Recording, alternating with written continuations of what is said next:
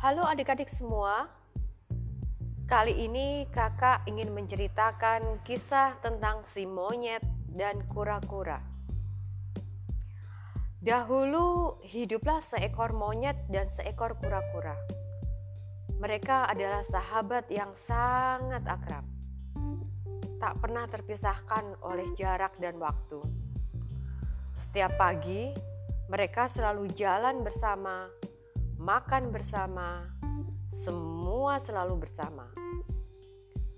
Suatu hari, mereka menemukan beberapa biji pisang.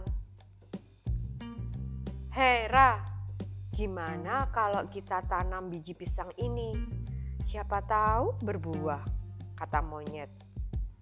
Ya, ya, ya, ayo kita tanam biji pisang ini, kata kura-kura semangat. Mereka pun kembali ke rumah mereka masing-masing.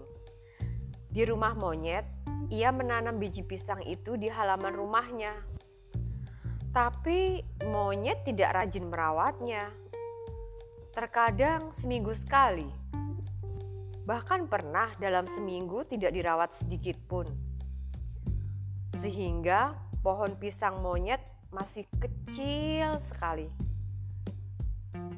Sementara itu, kura-kura menanam pohon pisang itu dengan rajin. Dia selalu menyiramnya setiap hari, sehingga pohon pisang kura-kura sudah besar dan berbuah. Suatu hari, monyet pergi ke rumah kura-kura.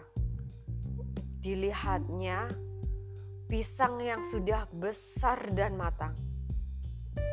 Kebetulan juga kura-kura minta tolong pada monyet Sahabat baikku, maukah kau petikan untukku pisang itu? Tenang saja, kau juga akan kubagi, kata kura-kura. Dalam hati monyet, monyet senang sekali.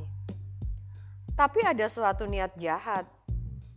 Dia akan memanjat pohon lalu memakan semua pisang kura-kura tanpa memberinya. Baiklah, Aku akan mengambilnya, kata monyet. Lantas monyet memanjat pohon itu. Begitu sampai di atas, monyet langsung memakan semua pisang yang ada di pohon itu. Kura-kura pun kaget dan sangat marah. Hei sahabatku, mengapa kau makan semua pisangku? Tanya kura-kura marah. Si monyet tidak menghiraukannya lagi. Dimakannya semua pisang itu sampai ia kenyang. Tapi salah satu dari pohon pisang itu dahannya retak. Akhirnya dahan itu jatuh bersama si monyet. Lalu monyet pun meringis kesakitan. Tulang punggungnya patah. Adik-adik, pesan yang ingin kakak sampaikan kali ini adalah jangan menjadi seseorang yang rakus dan jangan sekali-sekali mengkhianati sahabat baikmu. Demikian kisah kali ini kakak ceritakan. Sampai jumpa di episode selanjutnya. Terima kasih.